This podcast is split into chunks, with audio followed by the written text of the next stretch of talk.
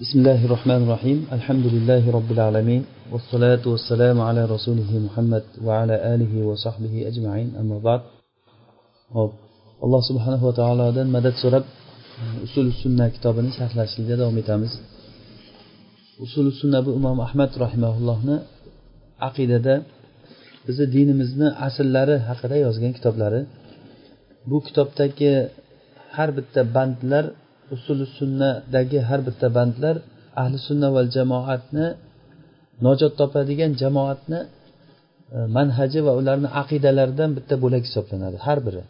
Agarda kimda kim mana shu asllardan bitta aslga xilof qilsa u ahli sunna va jamoat safidan chiqadi. Hozir biz aytadigan e, masalalar e, kechagi namoz o'qimagan odamni hukmi to'g'risidagi gapdan boshqa undagi xilofni aytib o'tdik.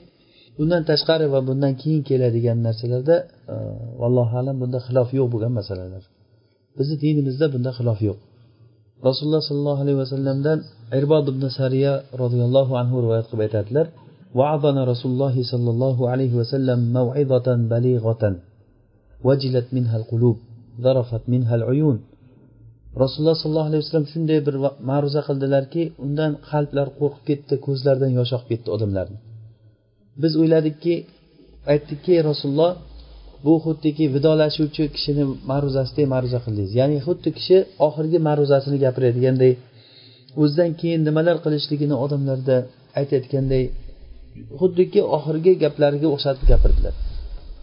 Shunda sahobalar ey rasululloh bu vidolashuvchi kishini ma'ruzasiga o'xshadi. Bizga bir va'z qiling. Nimaga buyurasiz? deganda rasululloh aytdilarki sizlarni men assam va toaga chaqiraman vaz qilaman. Ya'ni shunga vasiyat qilaman. Sizlar amirlarga xalifalarga itoat qilinglar. Quloq solinglar ya'ni ma'rufda yaxshiliklar quloq solinglar. Assam va toa. Agar sizlarga agar boshi bir mayischalik bo'ladigan qul habashiy qul amir bo'lsa ham o'sha amirga itoat qilinglar dedilar. Boshqa bir hadisda rasululloh sollallohu alayhi vasallam aytadilarki menda bizdan oldingi ummatlar yahudlar va nasorolar yetmish ikkita firqaga bo'linib ketdi. Meni ummatim yetmish uchga bo'linadi dedilar. Ulardan hammasi do'zaxda bittasi nojot topadi. Sahobalar so'rashdiki rasululloh ular kimlar? deganda rasululloh aytdilarki ma ana alayhi va ashabi deganlar men va ashoblarim unda bo'lgan kishilar ya'ni rasulullohni va ashoblarni holatini tutgan odamlar o'sha nojot topgan odamlar bo'ladi. Demak biz najot topuvchi firqani izlashligimiz bu bizni shar'an va insoniylik tomondan ham kelib chiqqan aqlan bo'lgan narsa ham bu. Odam najot topishlik uchun do'zaxga kirmaslik uchun o'sha jamoatni holatini izlashligimiz kerak ekan. Mana shu ahli sunna va jamoat deyiladi. Najot topuvchi firqa bitta firqa bitta jamoat o'sha najot topuvchi qolganlari do'zaxda deganlar. Kim ular? Har har bir odamni qiziqtirayotgan savol bo'ladiki o'sha najot topadigan firqa jamoat kim?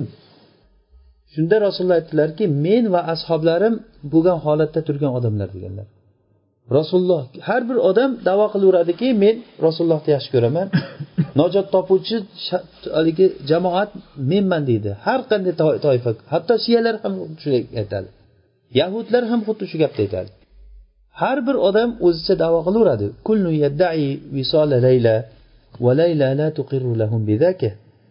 Hamma odam layloga yetishlikka davo qilaveradi laylo meni yaxshi ko'radi. Deb lekin layloni o'ziga yarasha shartlari bor bunga iqror bo'lmaydi deganday shoir bu har bir odam davosi bilan berilaversa ko'p narsalar bo'lib ketadi. Buni qonun qoidasi bor. U ham bo'lsa rasululloh va sahobalarni yo'lida turgan odam degani. Biz mana shu hadis bo'yicha mana shu imom ahmad rahimaullohni kitoblarini xuddi mana shu holatda tushunamiz. Bu kitob rasululloh va ashoblarni holatlarini katta katta usullarini bayon qiladigan kitob hisoblanadi. Bunda biz har bitta e, nimalarni bo'laklarini sharhlab sharhlab aytdik. Bugungi aytadiganimiz sahobalar to'g'risidagi bizni aqidamiz. Shayx rahimaulloh imom kitobini boshida bizni dinimizni asllari usul sunna indana bima kana alayhi ashab rasululloh sollallohu alayhi vasallam bihim deb umumiy aytib ketgandilar. bizni dinimiz sahobalarni holatini ushlashlik birinchi aslimiz shu kimki sahobalarni holatini ushlamasa o'sha odam birinchi aslda o'zi ahli sunna va jamoatdan chiqqan bo'lib qoladi bugungi aytayotganimiz mana shuni tafsiloti keyin kitobni o'rtasida imom rahimaulloh buni tafsir qilib aytdilarki وخير هذه الأمة بعد نبيها أبو بكر الصديق ثم عمر بن الخطاب ثم عثمان بن عفان نقدم هؤلاء الثلاثة كما قدمهم أصحاب رسول الله صلى الله عليه وسلم لم يختلفوا في ذلك bu ummatni rasulullohdan keyin eng yaxshisi abu bakr bo'ladi keyin umar keyin usmon mana shu holatda sahobalar ixtilof qilmagan biz xuddi shunday e'tiqod qilamiz bu ummatni eng yaxshisi abu bakr undan keyin umar undan keyin usmon roziyallohu anhu ajmain Keyin mana shu uchalasidan keyin beshta ashabu shuro kishilari bular ali ibn abi tolib va tolha va zubayr abdurahmon ibn avf sad. Bularni har biri xilofatga yaraydi har biri imom hisoblanadi. Bu ashabu shuro mana shu kishilar hozirgi aytganlarimiz ali tolha zubayr abdurahmon ibn avf sad. Bularni har biri xilofatga yaraydigan odamlar. Chunonchi buni umar ibn hattob roziyallohu anhu o'lish paytida u kishini abu lua alayhi lana umar roziyallohu anhuni pichoqlagandan keyin namozda bomdod namozida qissasi ma'ruf namozni boshlagan paytda u kelib turib umar qornidan atrofidagi kishilarni ham pichoqlab o'n uchta odamni o'sha yerda pichoqlagan. Kelib umar roziyallohu anhu qornini yorib tashlagan kelib. Shunda ichagi kesilib ketgan ekan u kishini. Keyin sut ichirilgan paytda u kishiga sut oqib chiqib ketgan. Bu degani tamom degani. Shunda o'lishliklarini bilgandan keyin sahobalar vasiyat qiling endi o'zidan keyin. Xuddiki abu bakr o'rniga xalifa qilib qo'yib ketganiga o'xshab abu bakr o'rniga umarni qo'yib ketgan. Siz ham o'rningizga bir xalifa tayinlab keting sizdan keyin janjal bo'lmasin. Deganda umar aytgan ekanki agar men xalifa tayyorlab ketsam mendan afzal odamni ishini qilgan bo'laman ya'ni abu bakrni. Agar o'rnimga xalifa tayyorlamay ketsam ham mendan afzal kishini qilgan ishini bo'laman ya'ni rasululloh sollallohu alayhi vasallam. Lekin men agar bitta odam tirik emas agar o'sha tirik bo'lganda shuni xalifa qilib tayinlagan bo'lardim u abu ubaydat ibn jarroh u kishi o'lgan bo'lgan. Robbimga yo'liqsam muhammadni ummatini sen kimga tashlab kelding deb so'rasa men aytardimki abu ubaydaga amin bu ummatni aminiga tashlab keldim. Nabiying unga guvohlik berib aytgan ediki bu ummatni amini abu ubayda bo'ladi. Lekin u dunyodan o'tgan degan. Men aytishim mumkin mana shu hozirgi zikr qilgan kishilarimizni aytgan u kishi unda usmonni ham qo'shgan usmon ali tolha zubayr abdurahmon sad mana shu oltita kishini o'rtasida xalifa maslahat bilan bo'ladi degan. Shu oltalasidan bittasi bo'lsin degan maslahatlashib degan.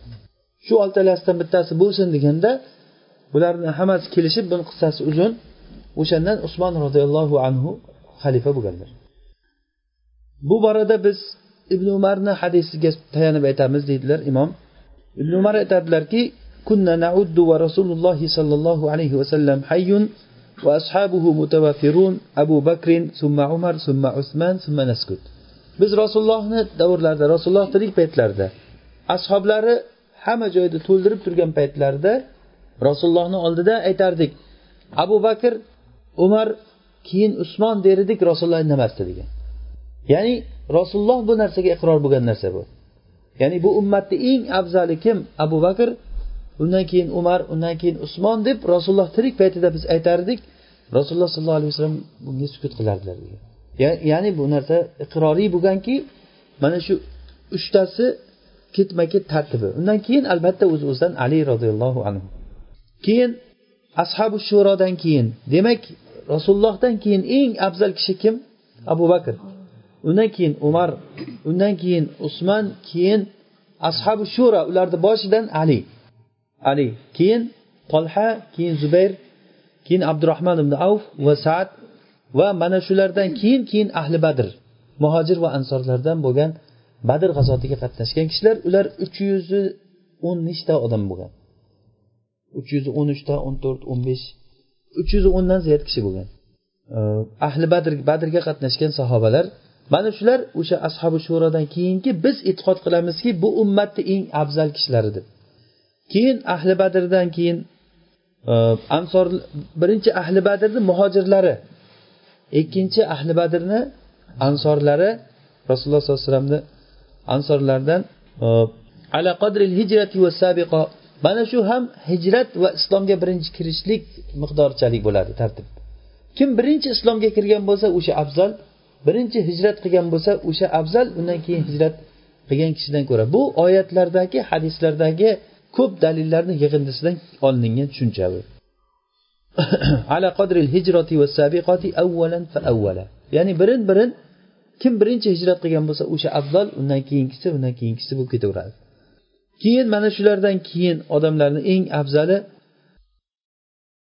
rasululloh sollallohu alayhi vasallamni rasululloh sollallohu alayhi vasallam yuborilgan paytdagi o'sha asr odamlari.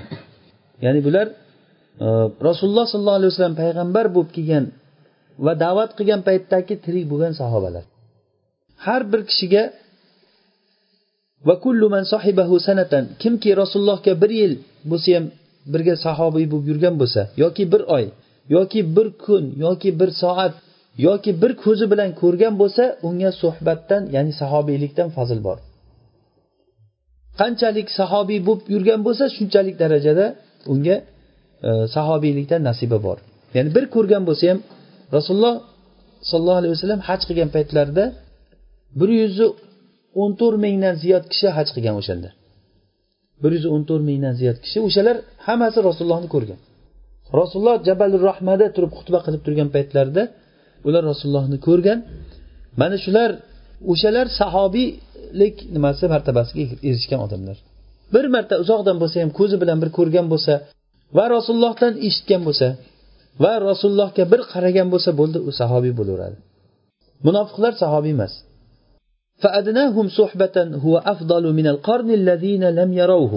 sahobalarni eng sahobiylikda eng past martabadagisi ulardan keyingi sahobiy bo'lmaganlarni har qaysidan afzal deyiladi tushunarlimi mana shunday e'tiqod qilamiz agar ular ollohga har qancha amallar bilan yo'liqsa ham كان هؤلاء الذين صاحبوا النبي صلى الله عليه وسلم ورأوه وسمعوا منه ana ular rasulullohga sahobiy bo'lgan rasulullohni ko'rgan va rasulullohdan eshitgan kishilar. Kimki rasulullohni ko'zi bilan ko'rgan bo'l u kishiga iymon keltirgan bo'lsa agar bir soat bo'lsa ham degani bir lahza bo'lsa ham. Iymon keltirgan bo'lsa mana shu odam tobeinlardan sahobiy bo'lganligi uchun tobeinlardan afzal deyiladi. Qancha yaxshi amallarni qilsa ham. Mana bu narsa biz e'tiqod qilayotgan ahli sunna va jamoatni e'tiqodi bo'ladi bu narsa. Bu sahobiylar to'g'risidagi bizni aqidamiz o'sha paytlarda yozilgan narsa hozirgacha juda ham muhim bir o'rinda turishligi bu bora bu bizni dinimiz. Chunki biz dinimizni mana shu sahobalardan oladimiz.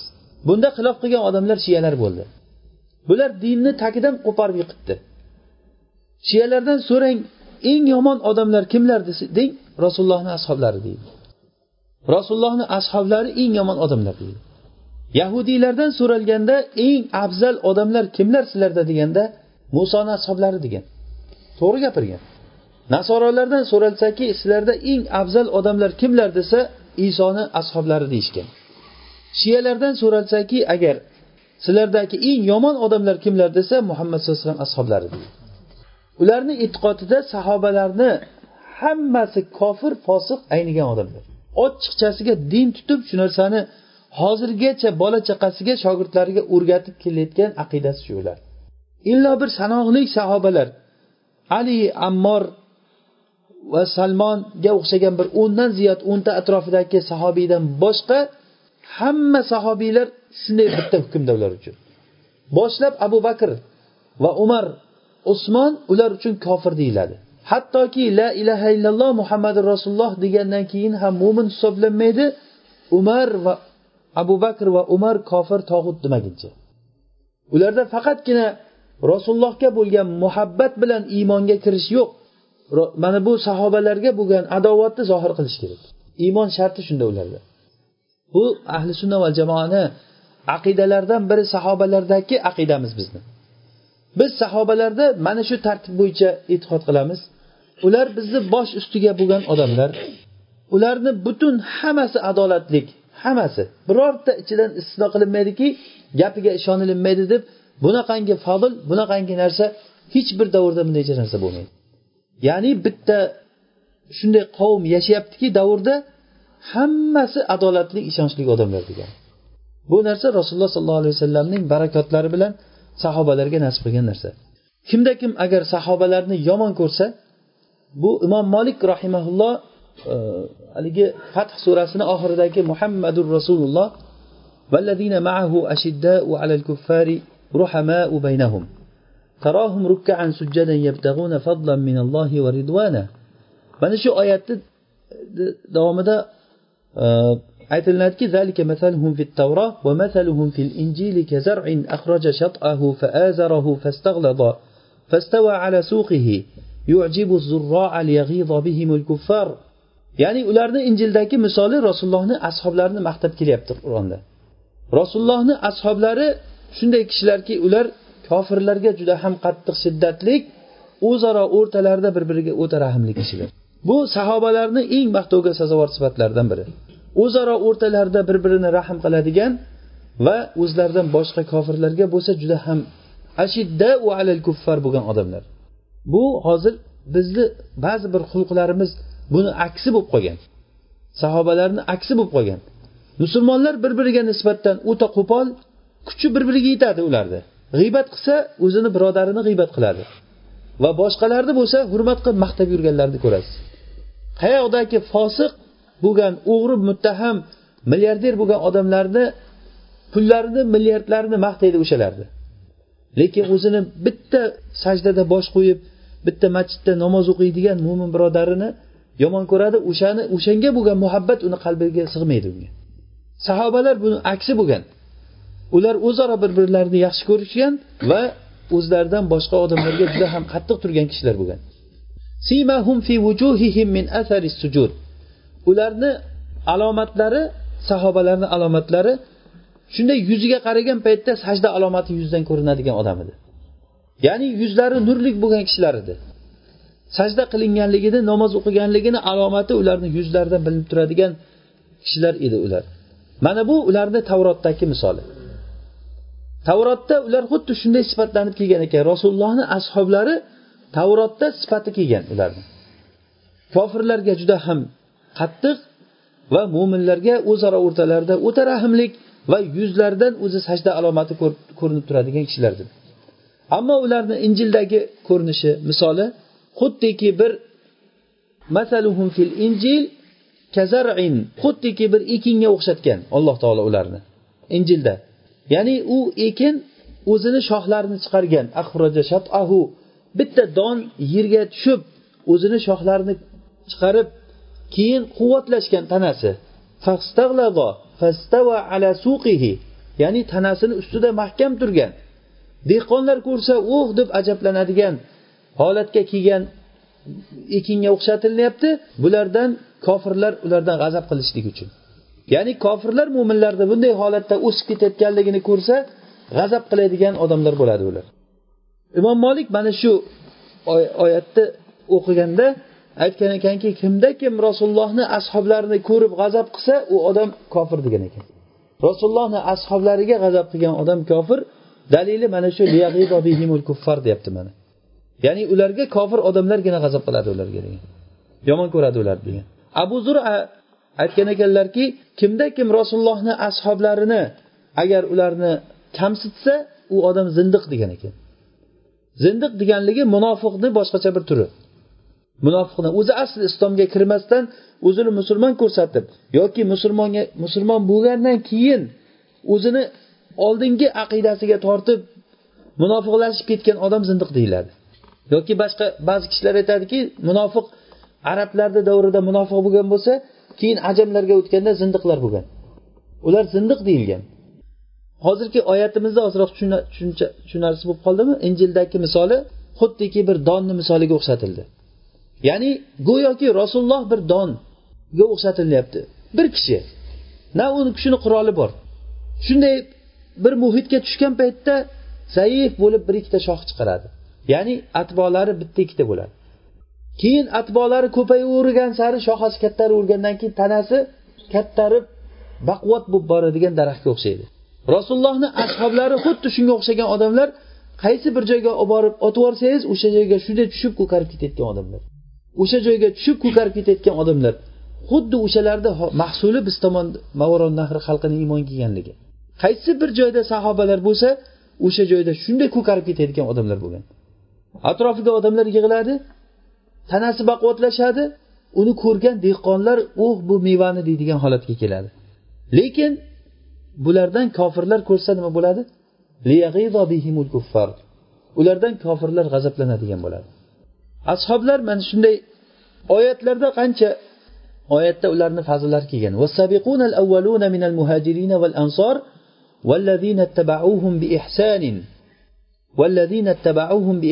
Qarang oldingi muhojir va ansorlardan ilgari islomga kelganlar deb umum aytyapti bularni. Hammasi degani bu.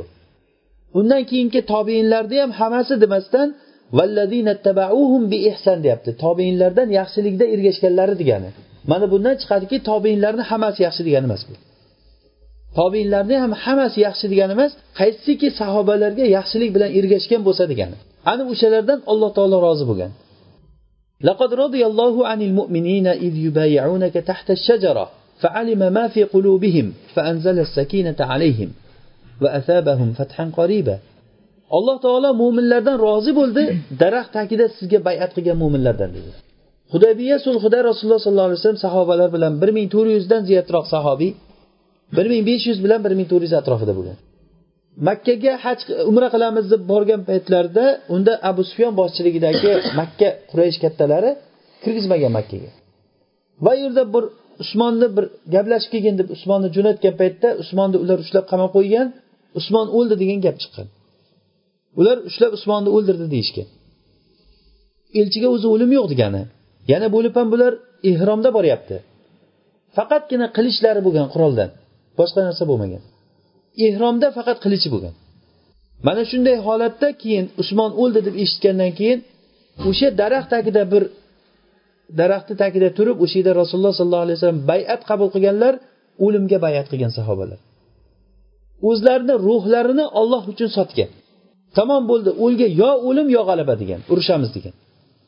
Bo'lmasa ularni qo'lida faqat qilich bor edi. Adad jihatdan ham to'g'ri kelmasdi va tayyorgarlik jihatdan ham to'g'ri kelmasdi vaholanki ular umra qilish uchun boryotgandi urushgani borgani yo'q edi. Lekin o'zlarini qoidasiga xilof ravishda mushriklar ularni musulmonlarni kirgizmagandan keyin va yana yuborgan elchisini qamab qo'yib o'ldi deb gap chiqargandan keyin musulmonlar tamom urushamiz deb turib bayat qilgan.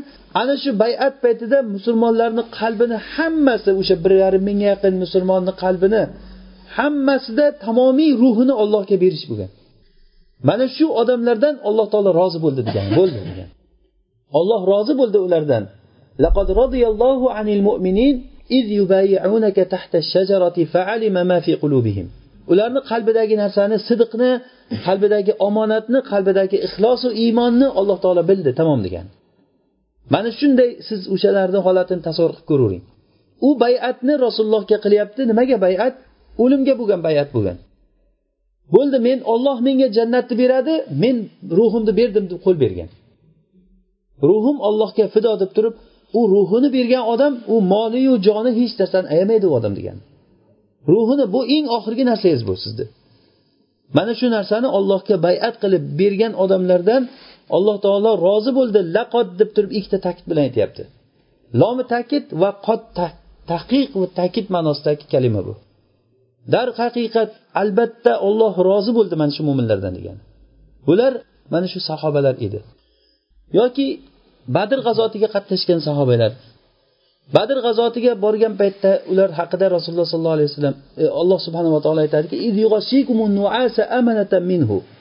وينزل عليكم من السماء ماء ليطهركم به ويذهب عنكم رجز الشيطان sizlarga alloh taolo bir uyquni berdi ya'ni sahobalar urushga chiqqan paytda uxlab qolishligi bu o'ta xotirjamlikni alomati bu narsa va osmondan suv tushirdi sizlarni qalblaringni yuvishlik uchun sizlardagi gunohlarni rejisda hammasini ketkazishlik uchun qadamlaring qumlarni ustida sobit turishlik uchun Va shu paytda o'sha yomg'ir kofirlarga katta bir qo'rqinch ularga loy bo'lib hamma joyni loy qilib tashlagan.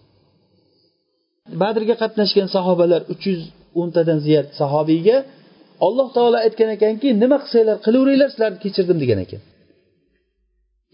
Faqat g'afartu lakum degan ekan alloh taolo. Rasululloh sollallohu alayhi vasallam aytganlar bu badrga qatnashgan odam deb hotib ibn abi baltaa musulmonlarni kofirlarga hujum qilib borishligidan ogohlantirib xat yozib berib yuborgan paytlarida uni ushlab kelib haligi josusni ali roziyallohu anhu borib olib kelgandan keyin hotib ibn abi baltaani rasululloh chaqirib turib ey hotib bu nimasi bu? Sen bizni ishimizni xat qilib yozib yuboribsan deganda ey rasululloh men buni islomga g'azab qilib kofirlarga muhabbat qilib qilgan emasman. Buni bir uzrim bor qilganimda deb aytganda umar roziyallohu anhu ey rasululloh ruxsat bering shu munofiqni kallasini olib tashlayman hozir. Deganda rasululloh sollallohu alayhi vasallam u badrga qatnashgan deganlar badrga qatnashganlarga bilmaysanmi alloh taolo aytib qo'yibdiki nima qilsanglar qilaveringlar men sizlarni kechirdim degan mana bu narsa olloh subhanahu va taoloni qanchalik karami va fazliki olloh uchun turib bergan odamlarga alloh taolo turib beradi degani rasululloh sollallohu alayhi vasallam aytgan ekanlarki daraxtni tagida bayat qilgan kishilardan hech bir kishi do'zaxga kirmaydi degan ekanlar. Unda bir yarim ming bir ming to'rt yuz o'rtasidagi sahobalar. Bu narsa bu, bu haqda oyat hadislar juda ham ko'p. Sahobalarni fazli to'g'risida bizni aytishimiz kerak bo'lgan muhim narsa sahobalarga bizga bo'lgan bizni e'tiqodimiz mana shunday bo'ladi. Ularning tartibi hozir quyida biz zikr qilganimizdek bo'ladi. Ular o'rtasidagi bo'lgan xiloflarga biz ular o'rta sahobalar o'rtasidagi bo'ladigan xiloflarga bizni e'tiqodimiz birinchi o'rinda sukut qilishlik bilan bo'ladi. Ya'ni shu haqda gapirmaymiz. Agar gapirishga muhtoj bo'lsangiz siz haqni bayon qiladigan odam bo'lsangiz masalan da'vat qilishda yo boshqa bir savol kelganda yo bir tortishuv bo'lganda agar shu narsaga bir ehtiyoj tug'iladigan bo'lsa sahobalar o'rtasidagi bo'lgan fitnalarni biz ikkala tomonni ham uzrlari bor bo'lgan holatda gapirishligimiz kerak. Sahobalar ali roziyallohu anhu bilan moviya roziyallohu anhu o'rtasida bo'lgan katta bir fitna bo'lgan. Buni tarixdan ma'lum juda tarixi uzun buni. O'shanda e, yahudiylar bosh abdulloh ibn sabaul yahudiy boshchiligida fitnachilar bular fitnachilar chiqib bir qancha odam bo'lgan bir mingga yaqin odam bo'lgan. O'ziku bitta ikkita fitnachi bo'lsa hamma joyni buzadi bular. Boshlig'i yahudiy kishi bo'lgan. Bu odam chiqib turib sahobalarni o'rtasida fitna chiqarishlikka harakat qilgan. Misr ahliga odamlarni yuborib turib misr ahliga o'sha misrni ichidagi fitnachi odamlarni tezlab ular bir olti yetti kun uyidan chiqmasdan arriqlar ekan o'zlari va tuyalarni ham oriqlatar ekan. Hovlisini o'rtasiga chiqib oftobga betini tutib qoraytirib yotar ekan o'zini. Keyin butun ustilarini tuproq qilib terga bulanib kechqurun kir kiyimlarni kiygandan keyin tuyasini haydab unga chiqib tashqariga. Tashqaridan keyin tuya bilan ertalab xuddi safardan kelayotgan odamdek kirib kelar ekan. Odamlar qayerdan kelyapsan desa madinadan kelyapman der ekan.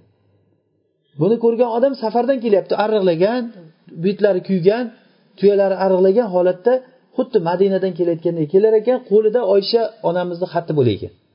Bu xatni o'zlari o'xshatib yozgan. U xatda shunday yozilar ekanki oysha ummul mo'minin oyshadan misr xalqiga menga yordam bermasanglar bo'lmaydi usmon menga zulm qilyapti haqimni bermayapti u qilyapti bu qilyapti deb rosa usmonni yomonlab xat yozar ekan. Buni o'qigan musulmonlar bu nima degan gap? Bu rasulullohni davrida bizga ona bo'lgan onamizni shunday qilib o'tirsak bizga to'g'ri keladimi? Bu nima degan gap deb misrdan bir qancha odamlar otlanib to'g'ri nimaga kelar ekan? Madinaga. Va xuddi shu fitnani shomda ham qilgan bular shomdan va nimada misrdan odamlar yig'ilib kelib madinaga kelib turib usmonni kelib turib qattiq olar ekan. Nimaga bunday qilyapsan deganda hech narsa qilganim yo'q bu nima bo'lyapti desa xatni ko'rsatar ekan. Shunda bu fitna ekanligini bayon qilib hamma narsani tushuntirib nima bo'lgandan keyin ha bo'ldi deb odamlarni qaytarib yuborgandan keyin yo'lda ketishda orqasidan bir otliq otliqni ular jo'natar ekan fitnachilar. Haligi otliq odam ketayotgan odamlarni orqasidan bir ko'rinib ko'rinmay ko'rinib ko'rinmay o'zini o'zi sezdirgan. Keyin unda bir gap bo'lsa kerak deb quvgan bular. Qochgan. Qochganda ushlab olgan ushlasa titib ko'rsa yonidan bir xat chiqqan xatida shu bo'lganki misr voliysiga xat usmondan mana bu borgan odamlarni hammasini o'ldirib yubor deb xat yozilgan. Atay o'zlari qilib turib o'sha usmonni xatini o'xshatib yozganki mana shu borgan odamlarni palonchi falonchilar boryapti ushlab o'ldir ular fitnachi deb misr voliysiga xat yozgan. Ular aytganki bu nima degan gap? Hozir biz bilan ittifoq qildiyu orqamizdan bizni o'ldirishga jo'natadimi? deb yana orqasiga qaytgan bular. Orqasiga qaytib mana shu bilan fitna bo'lib usmonni o'rab olgan. Usmonni o'rab olgandan keyin keyin fitna kattarib ketavergan. Har gaplarni ko'paytiravergan bular soni ham ko'p bo'lgan bu fitnachilarni. Sahobalar kirib usmonni oldiga kirib turib nima qilaylik urushaylikmi nimaga buyurasiz? deganda kim menga itoat qilsa qilichini ko'tarmasin degan. Birorta sahobiyni qilich ko'tartirgan qo'ymagan bu usmondan bo'lgan ishtihod bo'lgan bu. Bo'lmasa aytsa bo'lardi meni himoya qilinglar desa sahobalar turib berardi unga. Usmonni davridagi gap bo'lyapti bu. Keyin usmonni ular o'ldirgan o'sha yerda o'sha usmonni o'ldirgan fitnachilar masjidda kattasi imom o'tib turgan. Sahobalar o'rtasida katta bir fitna boshlangan keyin usmonni o'lishi bilan usmonni o'ldirgandan keyin muaviya roziyallohu anhu o'shanda shomda e, hozirgi suriya shomda u kishi amir bo'lgan usmon tarafidan. Bu amakivachchasi bo'ladi usmonni. Muaviya aytganki xalifani uyida pichoq qilich bilan so'yib o'ldiradiyu sahobalar tomosha qilib o'ldirdinglarmi sizlar degan. Shu o'ldirgan odamni olib kelib beringlar men o'ch olishim kerak degan. Amakisini o'g'li bo'lgan. O'ch olishim kerak men degan muoviya qattiq turib olgan shunga keyin ali roziyallohu anhu turgan avval xilofatni tiklaymiz degan.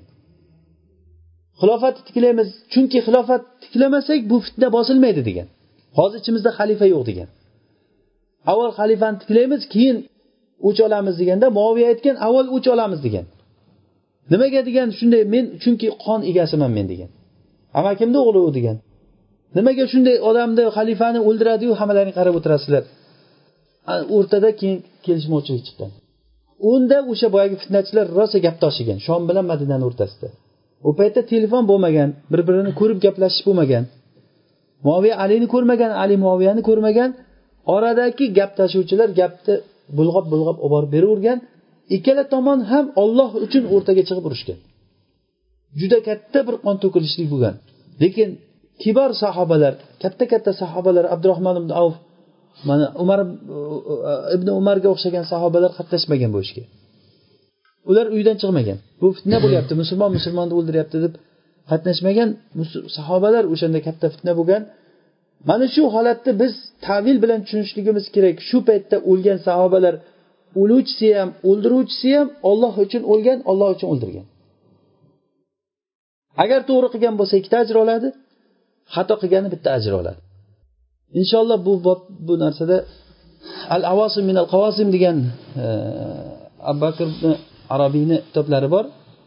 E, inshaalloh bir e, alloh nasib qilsa o'sha tarixni bir o'qirmiz keyinchalik. Sahobalar to'g'risidagi bizni aqidamiz demak birinchi o'rinda nima? Tilni tiyishligimiz. Agarda biz gapirishlikka muhtoj bo'lsak shular haqida nima bo'lganligini bu o'rtadagi bo'lgan narsalarni uzrini aytib gapirishligimiz kerak bo'ladi. Sahobalar o'rtasidagi bo'lgan voqealar. Har biri ali roziyallohu anhu ham muaviya roziyallohu anhu ham ikkalasi ham haq istagan kishilar bo'lgan. Lekin aq haq ali tarafda bo'lgan deyiladi. Va undan ham to'g'ri qilganlari urushga umuman qatnashmaganlar bo'lgan. Fitnaga shu fitnaga kirmagan odam to'g'ri qilgan bo'ladi o'sha paytda. Lekin ollohni qadari ekan bu. Bu narsa bizga alloh taolo tarafidan bir sunnat bo'ldi.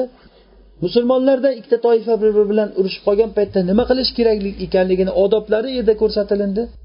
Oxiri bu fitna tinchib ali roziyallohu anhuga bayat qilinib ali xalifa bo'lgan. Ali roziyallohu anhuni yonida turgan odamlar fitnachilar ali tomonda ham bo'lgan u tomonda ham bo'lgan. Keyin oxiri ikkalasi muaviya bilan ali ikkovsi kelishib bu urush tugamaydi bundayda sen tomoningdan bitta odam kelsin men tomonimdan bitta odam borsin tahkim qilamiz. Ikkita hakam bo'ladi. Shu ikkita hakam kelishib nima desa shuni aytganini qilamiz ikkovimiz ham degan. Bo'pti degan bu muaviya taraf e, tarafdan nima ali taraf muaviya tarafdan amr ibn os kelgan. Ali roziyallohu anhu tarafdan e, abu muso al ashariy kelgan. O'shanda bularni tahkim qilganligini ikkovsini kelishganligini ko'rgan fitnachilar e bu nima degan gap? Odamlarga tahkim qilib qo'yyapti qur'on turganda. Qur'onni hakam qilmasdan odamlarni hakam qildi ali kofir bo'ldi deb turib havorijlar bu yoqqa chiqib ketgan keyin. Alini safida turgan odamlar shunday ikkiga bo'linib ketgan. Bir tomoni shiya bo'lib ali tomonda qolgan u shiya bo'lib deganligimiz keyinchalik o'sha ali tomonda qolgan fitnachilar shiya bo'lib ketgan. Va o'sha paytda ba'zi bir fitnachilar bu yoqqa havorij bo'lib chiqib ketgan.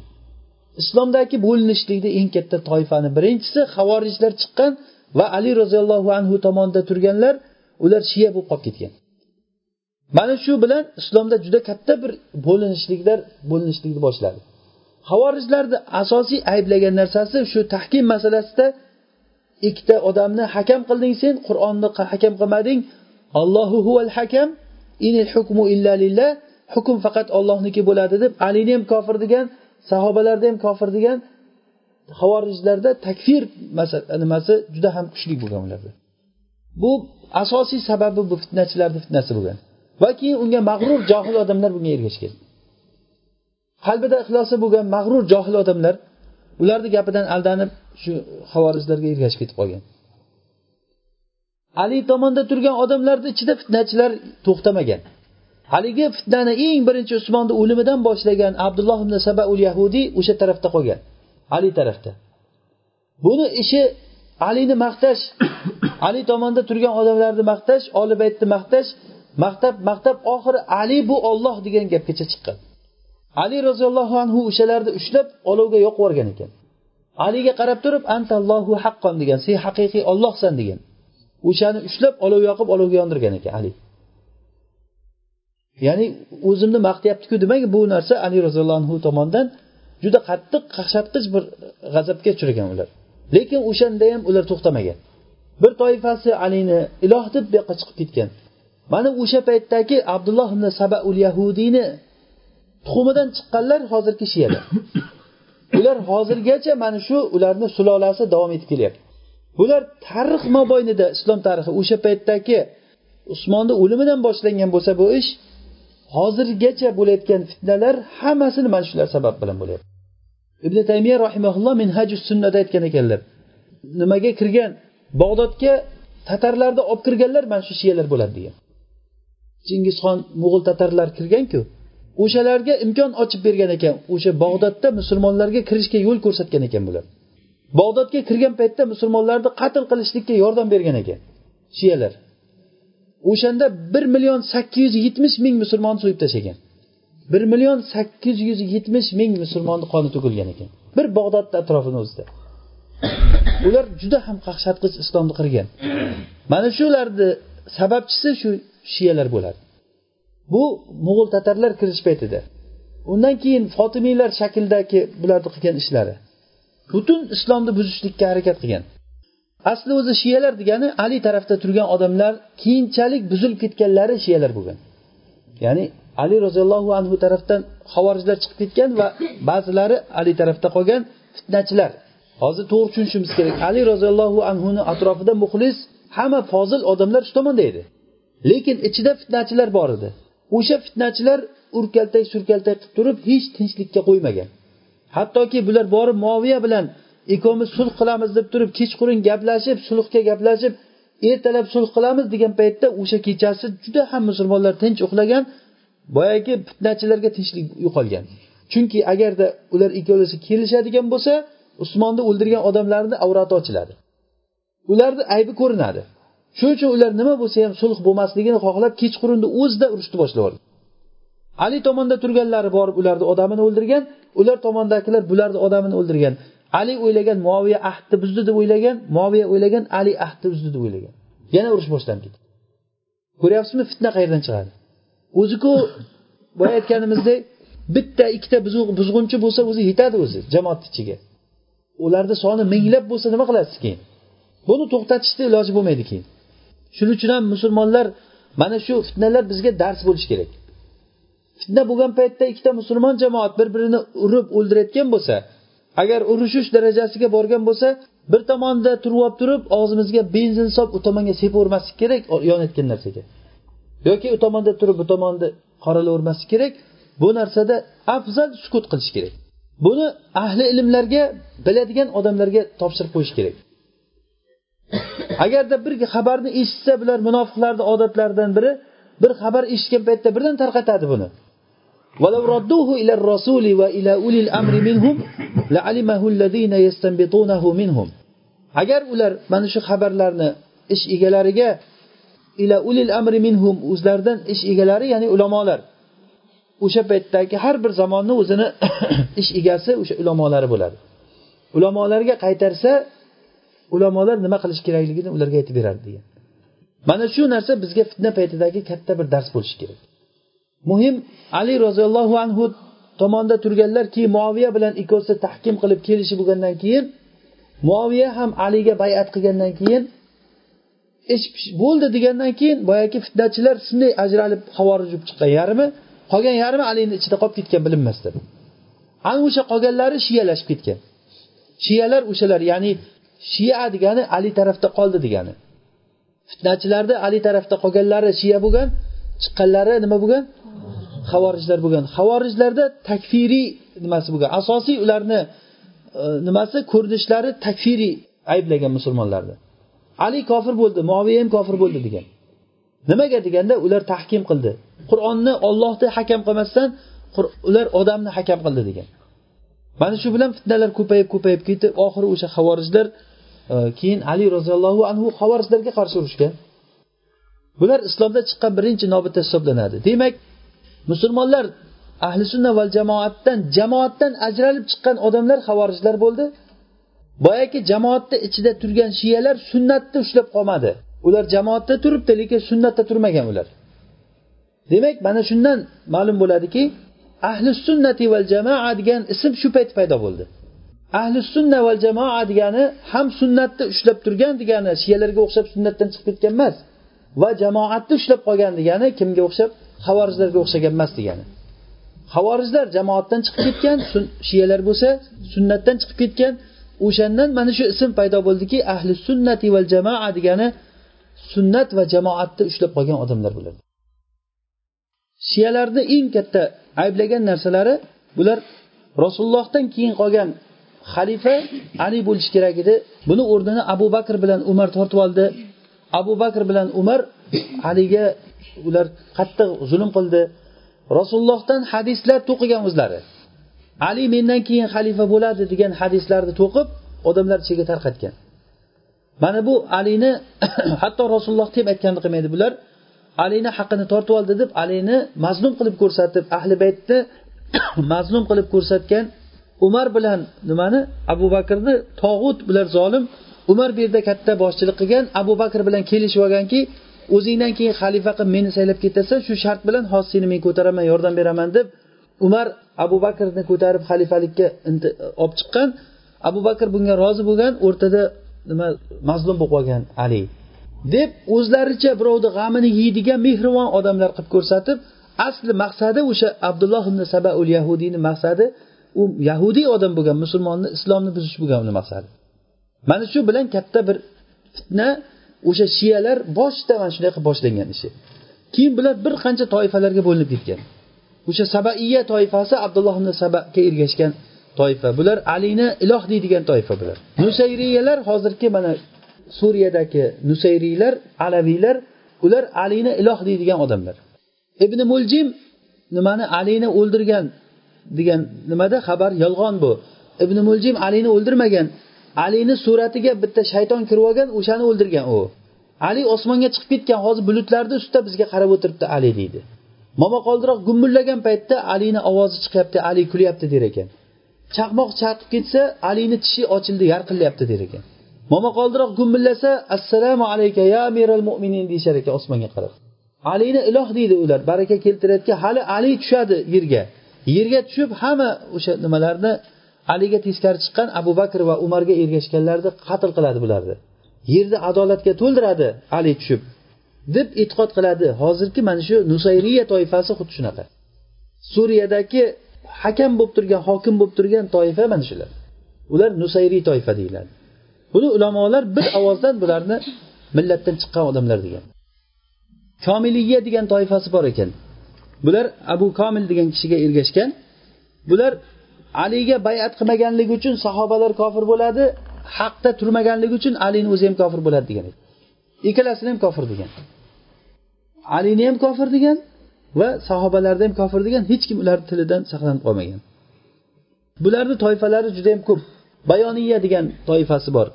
Bayon ibn samon degan odamga ergashgan kishilar bular tanasuh degan aqidani suradigan odamlar. Ya'ni alini nusxasiga alloh taolo alini nusxasiga o'tib aliga aylanib qoldi degan. Alini shaklida yuradigan toifa deydi e, odam bo'ldi. Ali bu iloh bu degan. Ba'zilari mug'ayyiriya degan toifasi bo'ladi.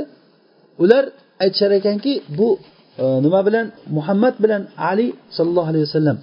Ikkovsi bir biriga shunchalik o'xshaganki jibrilga vahiy berib yuborsa alloh taolo u kelib alini deb o'ylab payg'ambarimizga berib qo'ygan ekan. Payg'ambarimizga ham bo'pti sen da'vatni ali uchun da'vat qilgin deyilsa o'ziga da'vat qilib yuboribdi men payg'ambarman deb. Bu shunchalik bir biriga o'xshaganki qarg'a qarg'aga o'xshaganidek xuddi chivin pashsha pashshaga o'xshaganidek payg'ambarimiz bilan ali bir biriga shunchalik o'xshaganki hatto jibril xato qilgan vahiyda. Mana bu yerda rasululloh xiyonat qilgan ekan unga. Rasulullohga aytilganimizki sen da'vatingni aliga qilgin desa u o'ziga o'zi da'vat qilib ketgan men payg'ambarman menga ergashinglar deb ketgan ekan. Mana shu bilan ular rasulullohga ham kofir bo'ladi. Hech nima qolmaydi bu yerda. Imomiya toifasi hozirgi erondagi hozirgi bosh bo'lib turgan toifa imomiya toifasi bularni aqidasi imom isna ashariya deydi o'n ikkita imom imomatini aytadi bular. O'n ikkita imomni. Mana shu o'n ikkita imomdan birinchi ali roziyallohu anhudan boshlasa imomlar ma'sum deydi ularni aqidasida. Imom payg'ambardan ulug' deydi. Imom gunoh qilmaydi deydi. Eng oxirgisi o'sha imomiya toifasini oxirgisi muhammad ibn hasan al mahdiy deydi. U iroqda bir g'orga kirib ketgan. O'sha g'orni oldiga hozirgacha har kuni bitta eshakni olib borib bittasi o'sha yerda ertalabdan kechqurungacha turar ekan chiqadi imom deb. O'zi bilan birga fotimani qur'onini olib kirib ketgan u qur'on haqiqiy qur'on. Hozir bu qo'limizdagi qur'onlar komil emas bu yerda ko'p o'zgartirilib ketgan deydi. Hatto ular bizni qo'limizdagi qur'onimizni ham tan olmaydi hadislarimizniki erta kunda tanimaydi bu hadislarni robiylari kimlar? Sahobalar. Ma'lum sahobalar nima deyishligi mana shunday odamlar bilan nimaga kelisha olasiz? O'zi ayting qanday bizlar ittifoq kela olamizki bunday odamlar bilan? Usulda bu narsa biz bilan kelisholmasak o'zi ikkita odam ixtilof qilishgan paytda ixtilofda bir ikkovimizni muttafaq joyimiz bo'lishi kerak. Mana oyatni tan olasizmi? Ha desangiz bo'ldi mana shu oyatga qarang nima deyapti? Men ham shu oyatdan olaman siz ham tan olasizmi? Shu oyat ikkovimizni birlashtirishi kerak. A ular bilan bizni o'rtamizda birlashtirayotgan nuqta yo'q. Aytadigan hadislarimiz hammasi ular kofir degan odamlarni rivoyatlari. Hozir eronda katta qilib afishaga yozib qo'yibdi. Abu bakr kofir umar tog'ut usmon nusul deb ko'chalarga yozib qo'yibdi. Oysha onamizni zoniya deydi. Nusul degani bu mag'ur bir qalang'i qasang'i bir betayin odam degani. Bu usmon roziyallohu anhudagi ularni aqidasi. Abu bakr va umardagi aqidasi ular. Vaholanki biz bularni eng dinimizdagi imom deb bu ummatni eng yaxshisi deb bilgan odamlarimizni ular mana shu aqida bilan qabul qiladi. Muhammad ibn hasan al mahdiy degan kishini mahdiy deb kutadi ular. Mahdiy muntazar imomiya toifasini oxirgi imomi g'orga kirib ketgan g'ordan chiqqanda o'zi bilan birga o'sha qur'onini olib chiqadi. Abu bakr ismoiliy aytgan ekanki qachon chiqadi? desa odamlar buzilib ketgan paytda chiqadi degan. Bo'lmasa hamma buzilib bo'lgan bo'lsa bitta sizlar qoldinglar buzilmagan. Buzilinglar chiqsin tezroq degan. Sizlar ushlab o'tiribsizlar uni degan chiqarmay degan. Hozir sizlarni aqidalaring bo'yicha hamma buzuqmi degan ha degan. Bitta sizlar solih bo'lib qoldinglar to'g'rimi desa ha degan. Buzilinglar tezroq degan. Chiqsin degan. O'sha g'orga kirib ketgan odamni chiqishini kutib o'tiradigan kutib o'tiradi. Ularni kutgan mahdiysi shu. Lekin bu ahli sunnadagi mahdiy o'sha dajjol paytidagi chiqadigan mahdiy u boshqa mahdiy biz bilgan mahdiy emas u. Ularni aytgan mahdiysi emas u. Tushunarlimi? Ali roziyallohu anhudan keyin jafar sodiqni imomligini aytadi bular. Keyin jafardan keyin uni o'g'li musal kozim undan keyin ali ibn musa rido undan keyin muhammad ibn ali taqiy undan keyin naqiy degan bir kishini aytadi. Undan keyin hasan ibn ali al askariy o'shandan keyin muhammad ibn hasan al mahdiy o'sha oxirgi imomi imomiya isna ashariya deganligi shu. Ularni aqidasida abu bakr va umarni tog'ut kofir deydi oysha onamizni zoniya deydigan odamlar. Oysha onamizni zinoda ayblaydi. Oyshani zinokor degan odamlar qur'ondagi nur surasidagi minkum oyatidagi ifk degan narsasini ular to'g'ri deydigan odamlar. Ya'ni oysha onamizni zino qildi degan odamlarni qilgan ishlarini alloh taolo nima deyapti? Bo'xton deyapti. Ollohni bo'xton degan narsasini bular nima deydi? Yo'q to'g'ri bo'lgan u bo'xton emas u deydi. Demak bu takvibun bil qur'on degani ular qur'onni yolg'onchiga chiqargan. Qur'onni yolg'onchiga chiqargan odam dindan chiqadi. Shuning uchun shiyalardagi ahli sunna va jamoatni aqidasi shiyalarni ichida avom johil bo'lgan odamlari bor. Ular oddiy xalqi. O'sha islomga kirib musulmonchilikni shu deb o'ylaydi ular. Musulmonchilikni mana shu deb o'ylaydigan johil avomlari bor. O'sha uchun shiyalarni birdan qavlan vahidan hammasini kofir deb bo'lmaydi. Ularni toifalarga ajratishlikni foydasi biz ularni yomonligidan saqlanishlik uchun. Men yomonlikni o'rgandim unga amal qilishlik uchun emas undan saqlanishlik uchun. Nima? Araftu sharra nima? Liattaqihi shoirni gapi borku. Men yomonlikni o'rgandim men undan saqlanishlik uchun kimda kim yomonlikni bilmasa unga tushib qoladi degan. asosida ya'ni mujrimlarni yo'li bizga ravshan bo'lishligi uchun shu bobdan biz gapiryapmizki bu narsada ularni toifalarni bilib bilib muomala qilishlikka. Jumladan olganda ular o'sha ahli sunna va jamoatda bo'lmagan fosiq bir toifa. Lekin ularni ichida aldangan odamlari bor. Oddiy xalqi ko'pi va ularni ichida aqida tutib alini iloh deydigan alaviylar bor. Hozirgi kunda ahli sunna va jamoatga eng qattiq adovati bo'lib turgan odamlar mana shu toifa bo'lib turibdi. Bular nafaqat hozirgi tunda kunda o'sha paytdagi ali roziyallohu anhuni nimasidan boshlangan bu vaqtida? O'shandan beri hozirgacha bular hech qachon qo'ymagan va hozir ularni orqasida katta bir davlat paydo bo'ldi. Mana shu davlatni nimasi bilan katta bir kuchli bir narsa e, nima siyosiy bir oqim oldinga qarab ketyapti. Bular ahli sunna va jamoatga juda ham qarshi bo'lgan bir toifa ular alloh taolo o'zi asrasin u yomonligidan. Lekin yomonlikni har qancha yomonlik qilaman desa ham olloh xohlagan narsasi bo'ladi. Yomonlikni qilayotgan odam qancha kuchli bo'lsin qancha boy bo'lsin e, qancha uni lashkarlari ko'p bo'lsin lekin haqni nuri bor haq ustun bo'ladi hamisha. Alloh taolo aytadiki biz biz haqni botilni ustiga tashlaymiz haq botilni yanchib parcha parcha qilib tashlaydi haq ketuvchi narsa bo'lgan narsa. U qanaqangi aqida bo'ldiki alini iloh desa payg'ambarimizga vahiy noto'g'ri tushgan bo'lsa qur'onni komil emas desa va hokazo. Bu umuman haqdan bo'lgan boshqa narsani aqida tutgan odamlar bo'ladi. Bu narsani botilligi ochiq bo'lib ko'rinib turgan narsa. Bularni bu tomonida turgan muqobilida turgan boyagi chiqib ketgan havorijlar bo'lsa ular kofir deb o'shalarni qoldig'i hozirgacha bir takfiriy jamoat bo'lib davom etib kelyapti. Musulmonlarda bir narsani ko'rib qolsa uni kofir deb gunohi kabira bilan kofir deb hatto sahobalarni kofir degan. Ulardan keyin bir gunohi kabirani qilgan odamni birdan kofirga chiqargan.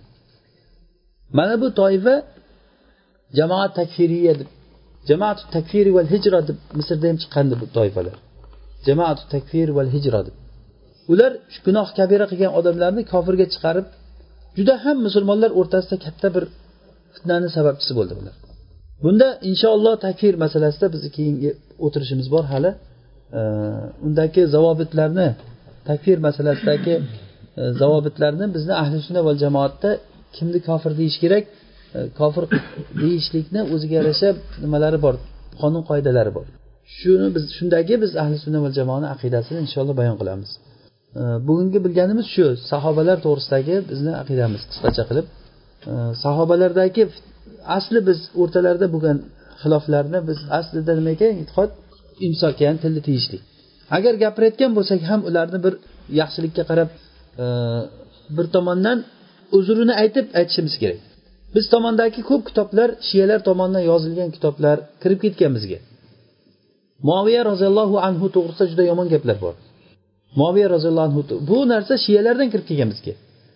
Hattoki shu gaplar shu yozilganda moviyaga e, ga nima aytgan ekanki rasululloh aytgan ekanki seni avlodingdan bir yomon odam chiqadi ummatni qiradigan bir fosiq bo'ladi deb yazidni aytgan. Shunda moviya meni avlodimdan chiqqan ekan shunday deb turib uylanmay yurar ekan. Uylanmay yurib turib keyin oxiri kasal bo'lib qolgandan keyin juda qattiq kasal bo'lar ekan. Tabib ko'rib uylanmasang bo'lmaydi uylanish kerak bo'lgan kasal bu. Desa keyin tug'masin deb bir kampirga uylangan ekan.